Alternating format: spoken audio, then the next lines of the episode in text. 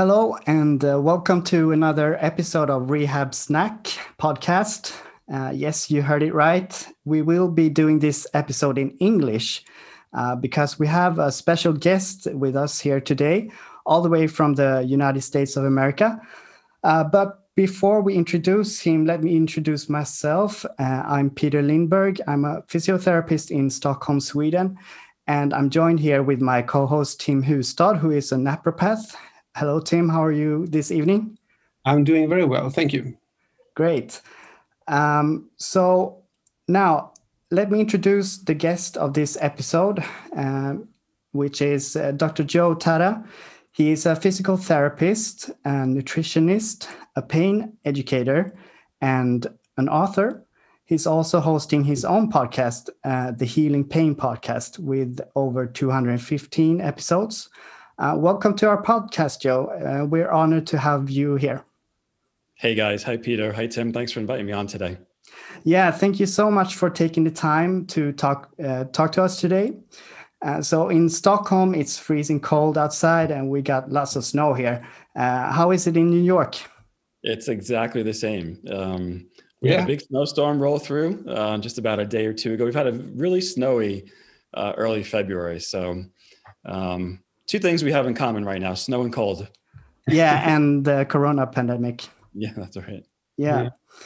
um yeah because you know we swedes like to talk about weather a lot with each other for some reason um yeah so today's focus will be uh, acceptance and commitment therapy act and mindfulness for chronic or persistent pain but first, Joe, uh, can you please tell us a little bit uh, about yourself, uh, your background, and what you do? Sure. I'm a, a physical therapist. Um, of course, you guys know it probably as a physiotherapist. Uh, yeah. As you mentioned, I live in New York City. I've been practicing since 1997, so probably about 25 years or so. Uh, my practice primarily focuses on orthopedics and chronic pain management. And I use a variety of integrative lifestyle medicine and behavior change techniques uh, to treat people with pain. I do some research in those areas as well. So I have a couple of research projects going in the areas of nutrition and then the, and the area of ACT as well. And then I also am an educator, so I educate practitioners on some of the topics that I just mentioned. So kind of three different hats. Um, always near my coat rack, putting on different hats at different times, but it's nice to be able to fluidly change back and forth from one one to the next. Mm-hmm. Yeah, so you have a lot of projects going on at the moment, right? I do. I, you know, I just finished the book up, and I actually have another book coming out in oh October, wow October of 2021. So um, the one hat I didn't mention is author. So I try to write books that are actually targeted for people with um, chronic pain and chronic health conditions, but are also um, applicable and, and usable for the practitioner, where they can either use them in practice themselves or they could use them with their patient uh, as a way to provide care and therapy. Yeah, that's great. So how do you manage to do all these projects at the same time? Yeah, that was my question as well. Yeah. well, I don't sleep. No, I'm joking. Um, some days I don't sleep, but I think you know, really just you know, looking at life on a on a quarterly and yearly basis is a nice thing. Um, sitting down way ahead of uh, the year, so most of us think of the year starting on January 1st, and we're planning on January 1st. I tend to plan in September um, for the the year to come. So my year is already pretty much laid out. There are of course other projects that pop up, like like your podcast here, which I'm excited to talk on. So I have room for that built in, but kind of the bigger projects I lay out ahead of time and make sure I space out, you know, large chunks of time for them and um, you know tackle them as they come. And there's you know, of course, when you write books, you partner with editors and people that help you uh, cultivate that knowledge. Okay, how many days a week do you meet patients then? Uh, right now, I meet patients two half days a week. Okay. Yeah, and that's a combination of. I used to be in person, and now it's uh, mostly virtual. Which I was going toward a virtual practice anyway, but COVID kind of nicely just made that happen. Because uh, yeah. I live in New York City, and um, the coronavirus regulations and rules have been um, strict here, so people are, are following them, which is great. And it's also forced people to do a lot more online, which has been interesting and fun. It also has actually helped with applying things like ACT and mindfulness that we'll talk about later in today's episode because I don't have the ability to put my hands on people. Mm. Um, and when you take your when you take that ability to you know not place your hands on people, you're forced to use your mind and your mouth instead of your hands. So hmm. uh, it's been an interesting experience to um, continue to cultivate the skills that I have in those areas as well. Yeah, I think uh, just a thought. Uh, I think me and Peter is uh, is similar in some ways. I think we are more pain coaches uh, in the in how we work more than. Uh, uh, well, I, I was um, educated as a, a, manual therapist, and I still do manual therapy, but uh, I would think I'm the, the, the lesser manual therapist of the in my group if we would uh, com- uh, compare. Yeah, it, there, there, are questions I get all the time, like, do you still do exercise with patients? Do you still do manual therapy with patients? Um, are you still using modalities with patients? And the answer to that, to all of those, is yes. Um, less of certain things, and obviously, when you're working online, you know, there's no manual therapy. Although I do instruct people on how to do you know self stretches and self range of motion so there's there's so many you know all of us are learning kind of these interesting and innovative ways to deliver care just across different platforms um, you know with regard to to um, cognitive behavioral therapies in general there is this movement in pain care to move in that direction with regard to more psychologically informed practice for all all of us who are professionals. But i always encourage people and we'll talk we'll talk of course a, a lot about psychologically informed practice on the episode today but i always encourage people don't lose those skills that you had before. Those are still important. Mm-hmm. they still have their place. You just may lean on them less or you may use them less or you may use them at more opportune moments in your treatment or your plan of care. Mm-hmm. so but where where did your um, interest for act and mindfulness come from in the beginning? So it, it's interesting. I mean you know act is a, a, certain technique you can obviously you know get, get, trained on and take courses on and learn books on. But i was a gymnast growing up so there was always this kind of mindful movement aspect in me from a young age when i first started at the first job i worked at which was an inpatient rehabilitation center they brought in a little bit of mindfulness a mindfulness teacher that would come in once a week and would teach the the patients so I was kind of introduced to, to mindfulness then. Now, mindfulness and ACT have similarities, but they're not exactly the same. Um, there are distinct differences between them. But that's how I was introduced to mindfulness first. And then somewhere along the lines, I got involved in yoga, and yoga has a very strong uh, mindfulness component to it if you're uh, engaging in a more traditional form of yoga. And I did that for years. And I got certified in Pilates. Again, Pilates has another mindful movement component to it. And then somewhere along the lines, probably about eight years ago, um, ACT came into the picture. And I, I, don't even really remember how it came into the picture, how I heard about it, or um, how it came across my plate. But uh, once I found it, I was hooked, as they say. And you know, it's really become the the mainstay of a psychologically informed practice that I use. Doesn't mean I don't use other interventions like pain neuroscience education or explain pain or traditional cognitive behavioral therapy. But ACT really is the foundation of what I'm using with regard to psychologically informed practice. Okay. Uh, but um, well, for my own part, I bought a, a book from Russ Harris uh, like a year ago, and I read the first chapters, and then I was uh, swept away with something else. Uh, uh, it was the, the idea was that I wanted to learn ACT and just read a book about it first before I took a course. I was kind of prepared. But uh, what is ACT? How would you describe it? Sure. ACT is a, a cognitive behavioral therapy and it stands for acceptance and commitment therapy. As, as peter nicely said in the beginning you say it as one word act instead of the, the letters act and it grew out of the traditional cognitive behavioral um, intervention world. So cognitive behavioral therapy has been around for quite some time. Act started somewhere in the 1980s and looked at the cognitive behavioral literature and said okay there's some great things that are obviously uh, at work here and useful within traditional cognitive behavioral therapy but there's some newer information that's coming out that's not embedded in traditional cognitive behavioral therapy. And ACT has really taken those parts or those components or processes, so to speak, and weave them into a model or a theory that practitioners can use to um, treat both physical as well as mental health conditions.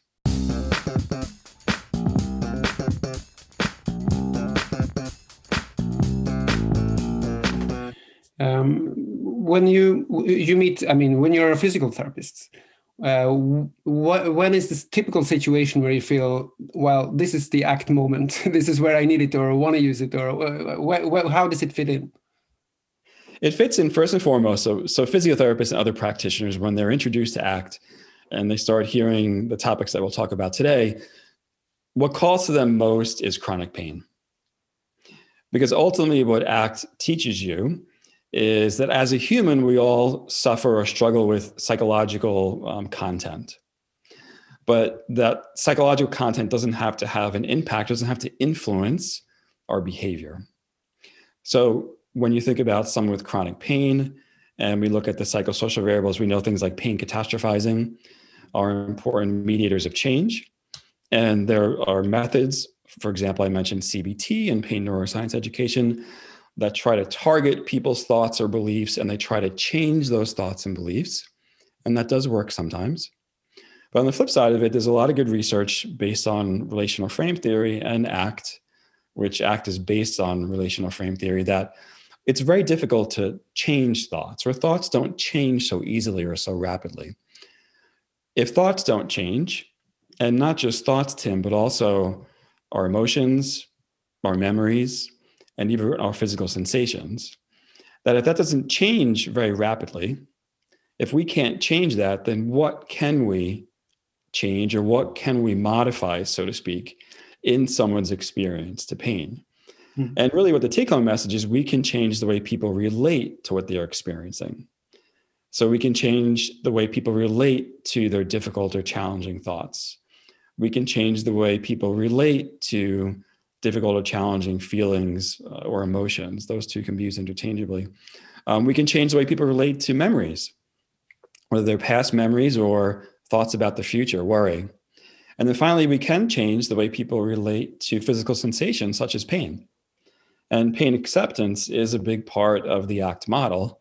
Um, acceptance is a you know key component of the ACT model. So when people first hear ACT, especially if they're treating chronic pain, they think first, wow, this really applies to some of the patients that I've seen who are struggling with chronic pain because I haven't been able to change their thoughts.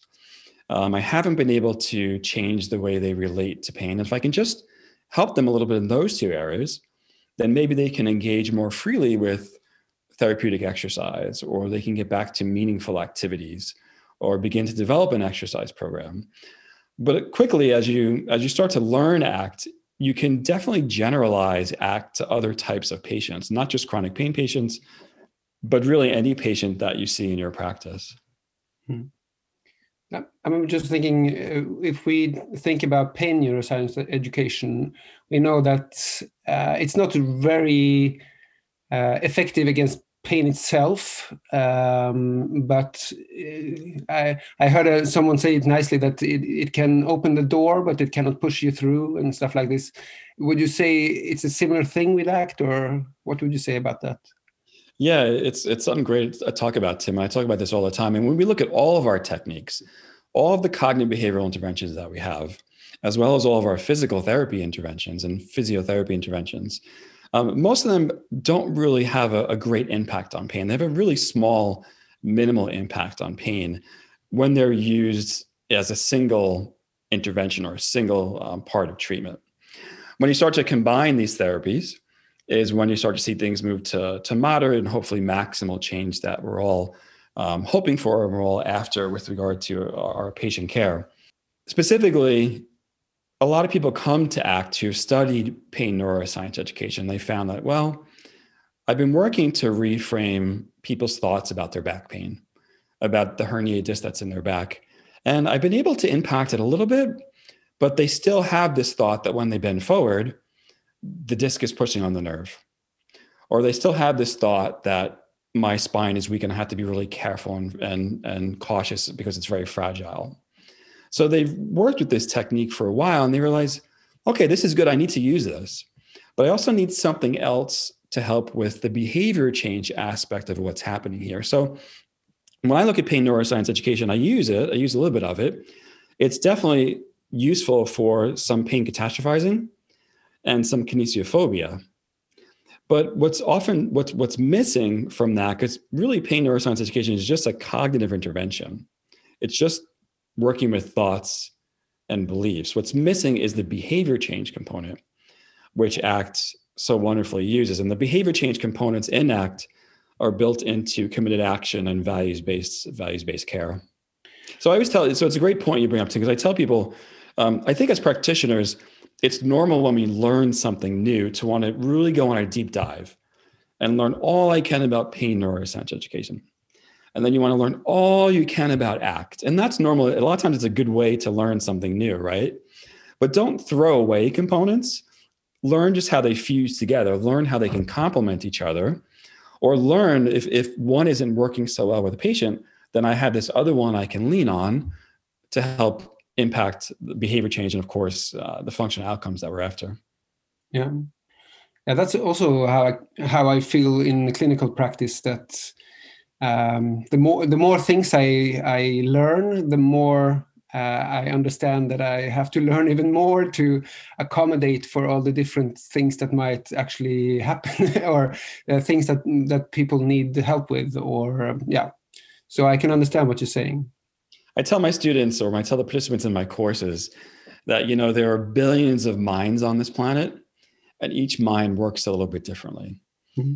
So if you're really um, married to just one method, I can pretty much guarantee that there's going to be a whole lot of people that doesn't work for. So, you know, weaving in CBT with ACT, with pain neuroscience education really is the, the best evidence way to approach patients. Hmm. What would you say? What, what is the actual difference between CBT and ACT? Yeah, so the difference between CBT, there's a couple different, there's a couple differences. Um, one is traditional cognitive behavior therapy tends to focus more on dysfunctional thoughts, what they identify as a dysfunctional thought. And in ACT, we don't see thoughts as dysfunctional, we just see them as thoughts. Hmm. So we don't um, look at thoughts and we don't look at people as needing to be changed, as being dysfunctional, or in a lot of senses, uh, broken, if you will. Um, we really uh, approach people, the stance we take as an ACT therapist is one that the person in front of you is whole. They have all they need to heal and recover. And it's just our job as the practitioner to facilitate that change, which is a very different approach in a traditional cognitive behavioral approach where I'm evaluating someone's thoughts and beliefs. I'm helping them notice that they may be true or not, or partially true. And then I'm helping them change those thoughts and beliefs. Mm-hmm. Uh, in ACT, we use a process called cognitive defusion, which basi- basically means if you think of the word fusion, right? So fusion is like two things that are, are squeezed or pressed together. So if you think of two pieces of metal that have been heated up very hot and you press them together, they're fused together. If you take them apart, you unfuse them or you defuse them, so to speak. In ACT, what we the way we look at thoughts is thoughts are, are just things. They don't necessarily have an impact on your behavior, but if you're very close to your thoughts, it's hard to move forward because you only see your life through your thoughts. So we help to create some distance or we help to create some space between someone's thoughts and their other content and their behavior. So you can have a negative thought, for, for example. So, for example, um, let's bring this to a real life application. Right now, I realize I'm talking to people in another country where my accent may sound different or I'm from New York, so New Yorkers tend to talk very fast, which I know I definitely talk fast. Uh, so as I'm talking to you in the back of my mind, my mind is chattering away saying, Are they understanding you? Do they get what you're saying? Are you talking too fast? Is your accent funny? Or this New York accent, New York accent is very different than a than an English accent that I might find in Britain. So all that's going on in the back of my mind. Now, if I let myself be hooked by that thought, I may become really nervous and really anxious, and I may actually freeze on the spot here. So, in that sense, if I freeze, my thoughts have impacted my behavior. My behavior is engaging with you guys on this podcast. But through through defusion means I can observe those thoughts. I can allow those thoughts to be there. I can allow those thoughts to be present. But I can still continue with the behavior that I want, the behavior that's important to me, which is today connecting with you guys and sharing this you know great information about ACT and other cognitive behavioral interventions for for pain and living life. Hmm. So just kind of some differences between the, the main difference when people come to, especially physiotherapists and other pain practitioners, is what do we do with thoughts? Do we change them or do we allow them? Mm. In ACT, we allow them, and then we teach people people skills or interventions on how we can allow those thoughts to be there and not impact our behavior. Mm. Also, um, uh, the goals of the uh, therapies are quite different, right? Uh, between CBT and ACT. I mean, the goal of CBT is um, reduce symptoms, right? Compared to ACT, where the goal is uh, psychologically uh, flexible. Uh, could you elaborate yeah, on I mean, that? You said it pretty well there, Peter. So the goal with a traditional cognitive behavioral intervention is to decrease symptoms. So those symptoms can be pain, it can be the frequency of a thought. It can be the form of a thought. It could be an emotion. It can be a memory. All that is involved in traditional cognitive behavioral therapy. So to decrease things that are unpleasant, unwanted, um, things that are impacting our behavior. In ACT, as you mentioned, Peter, the, the, the core essential of, of ACT is what's called psychological flexibility. So psychological flexibility is this idea of being in the present moment with whatever is there your thoughts, feelings, emotions, physical sensations, observing them non judgmentally in a way that's curious, and then moving forward with your personally chosen value, personally chosen values, whether they're present or not. So that's a, the difference is we don't aim for symptom reduction in ACT. It may happen, and oftentimes it does happen, but it's not what we put first and foremost. So I like to say oftentimes um, when people approach pain, they're putting the, the cart before the horse. So they're putting pain first and hoping as pain decreases, someone returns back to their life. Some of the best research that's come out of ACT, especially with regard to values based living, is if we can engage people on their values and have them commit to some action that are in line with their values, that when they approach those behaviors, that's oftentimes the best way to alleviate pain. So, not pain first, mm. values first. One thought uh, I'm getting is because uh, a lot of my uh, fellow colleagues or uh, other people also on the internet, one thing you often hear is that, but we are not supposed to be psychologists. I'm, I'm sure you've heard this as well. So, what what uh, do you uh, say when you hear this argument? I have a couple different responses to that, Tim. I think the first is whether you know it or not, if you're communicating with someone, if you're talking to someone, if you're instructing them on an exercise program, if you're instructing them about pain, if you're educating them about a disease process mm-hmm. and their options in some way, that's a cognitive behavioral intervention. Yeah. Uh, most people don't understand that. And, and it's embedded in what most of us have learned in education. So even though you went through physiotherapy school, if you didn't take a course called cognitive behavioral therapy, you're definitely using cognitive behavioral techniques in practice. Um, things like ACT and CBT and cognitive functional therapy, all these methods that have come up, they're all similar. They all have their differences. They all have their similarities. What they've done is just, just provided framework, so language around what we're doing, around what you could do with patients. Um, the other aspect that I say when people say I'm not a psychologist, I say, well, if you're working with people, you're working with psychology on some level. Hmm. And again, whether or not you know it, every action that you take as a human, every behavior you take as a practitioner has an impact on your patient's behavior. Yep.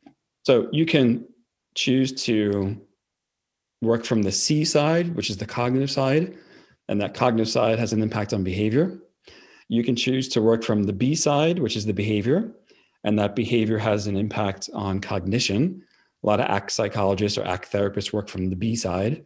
A lot of ACT, ACT informed physios work from the B side because ACT is very much a behavior approach.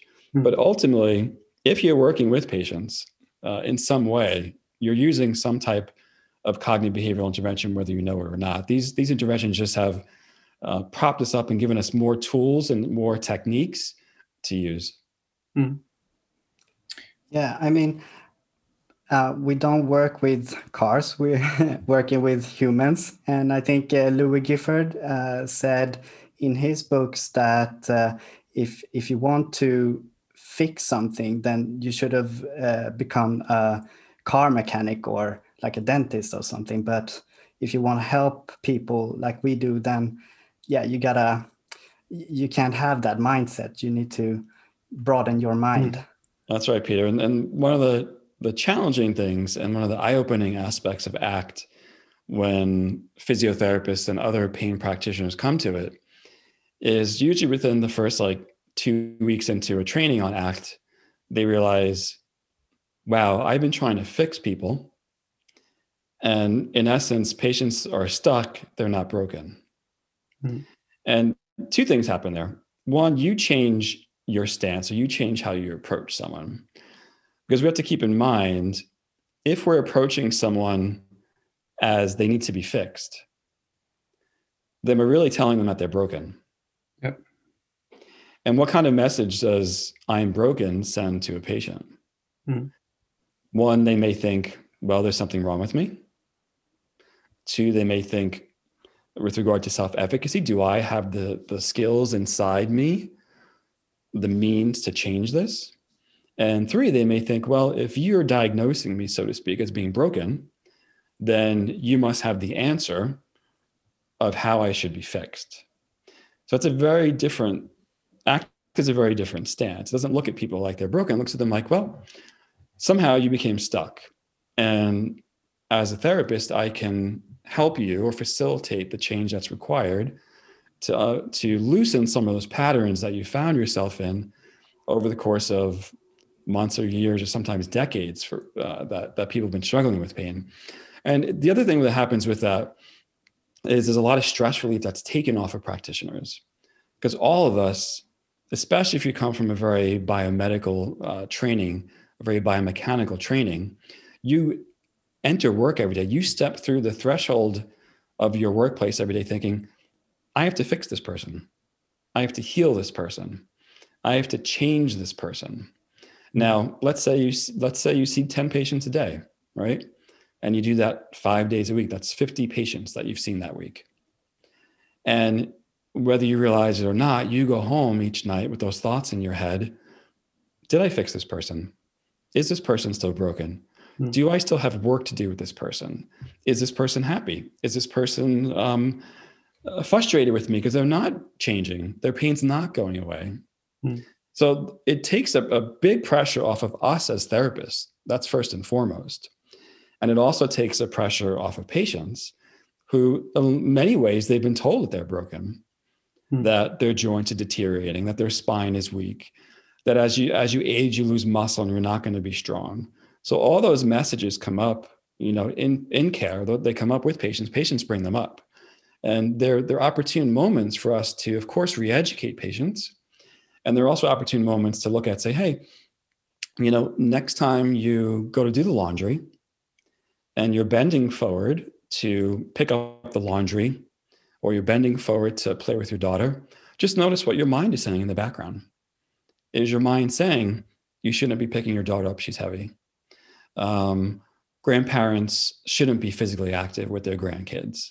So all that starts to come up. And, you know, in many ways, we do have the ability to change beliefs. But first is becoming aware of what the beliefs are. Mm-hmm. People don't realize, they don't notice, they don't have the awareness, they don't have the recognition that those thoughts are there. And ACT has some nice skills to help people increase awareness.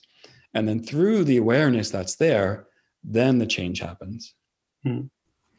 You said a couple of words there about training as well, and I'm I'm I'm in a kind of um, situation where I'm thinking about uh, doing the training uh, as soon as possible. But I know that you have courses as well, and you uh, train uh, therapists. So, uh, how would you say that um, uh, when you teach therapists, how do they um, well? is it is it easy to to take on board and start using, or what, what do you um, experience with your students? Yeah, it's a great question, Tim. There, there, are two types of therapists that come to my ACT training. There are therapists who um, have no cognitive behavioral previous training at all. So I've never taken pain neuroscience education. They've never taken a CBT course And I'm really the first person who's introduced them to any type of cognitive behavioral intervention. Um, in, in, my case, it's ACT. So it's brand new to them. And it's a it's an eye-opening experience of learning how the mind works and learning how the mind influences pain. So there's lots of aha moments that happen. The second type of person that comes to my work is someone who studied pain neuroscience education, or maybe a physiotherapist who's also worked in a traditional cognitive behavioral clinic where traditional cognitive behavioral therapy has been used. And they've used it for many years and they've seen how it's worked and they've seen how it's not worked. So they're looking to add skills to their to their repertoire, so to speak. So those are the two types that that come in. For the type for the people who come in with um, a pain neuroscience education background, it probably takes them about a week to analyze or reflect on their own practice, look at how often they're trying to change thoughts in places where the, the patient or the person has already demonstrated that they can't change. Because what we don't want to do is get in a tug of war with our patients of having to change things. So, you know, if I've got one end of the rope and the patient has the other end of the rope, and I'm trying to change their thoughts about their back pain, and they're pulling back and they're saying, Well, I saw the best orthopedic surgeon in my city. And this surgeon, you know, is trained at the best hospital and has um, trained with the best uh, football team and has seen all the actors. And they really have this thought in their head that what that doctor said is a rule. Then it's really hard to change that rule. So I can either choose to continue that tug of war with that patient, mm-hmm. or I can choose to drop the rope. And instead of changing thoughts, figure out how we can move forward with those thoughts in a way that's healthy. So the two people that come to my training are those that have really no cognitive behavioral training at all, or those that have some training in, in pain neuroscience education. Sometimes people have some training. So if therapists have studied yoga, sometimes they have a little bit of training in mindfulness. And mindfulness has some similarities to ACT. So people who have a little bit of mindfulness training pick up ACT a little bit faster than those with just pain neuroscience education training.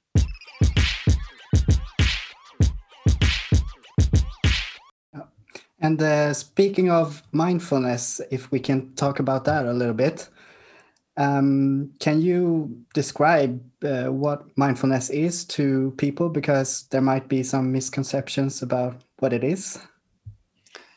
I look at mindfulness as well as all the things that we're talking about today, just as a mental skills training. So we can identify things that we do to help someone with physical skills. So obviously, physical strength and flexibility, balance, agility.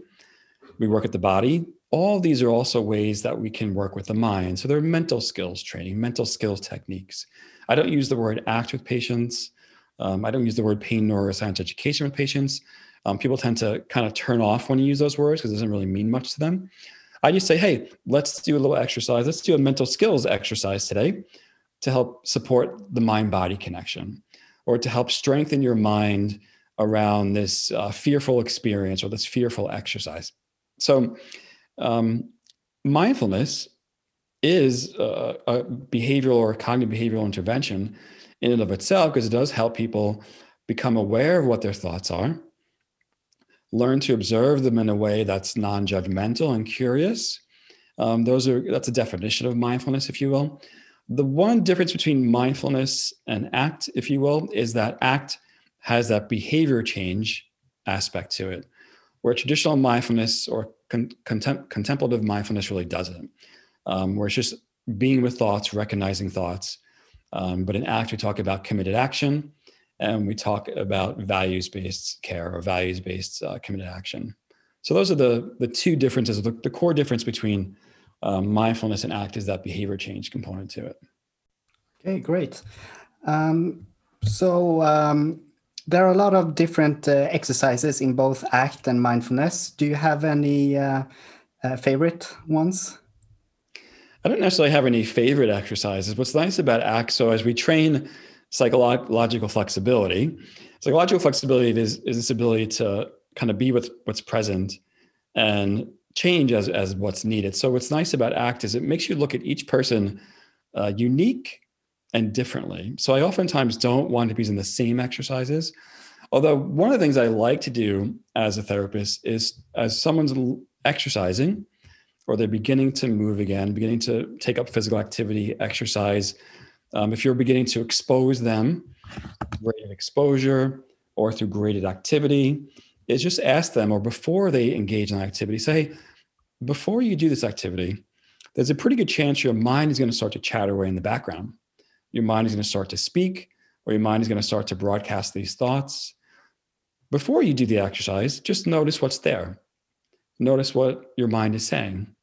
And the patient may say, uh, what's this exercise going to be like? Am I going to be able to do this exercise? Is the exercise going to hurt? Um, this exercise sounds kind of funny. I'm not sure it's for me. I'm not sure exercise is for people with pain. So those thoughts may be there first, even before movement happens. And then as they engage with movement, again, cue them or facil- facilitate them to bring their awareness around what's happening and then see if it has changed at all you may see the, the form of those thoughts change, meaning they become more fearful. But over time, if you keep someone engaged in exercise, you may find that it changes like, oh, this isn't so bad. Or, hey, I can actually do this exercise. Or this doesn't feel so bad. Or I don't really feel anything in my back with this exercise. So we're really good at grading activity. We're really good at grading exposure as physical therapists or as physiotherapists what we're becoming better at is how does the mind influence all that? Or how can we use the mind almost as this like magic carpet to help facilitate it in a way that's easier for a patient or in a way that's less stressful for a patient?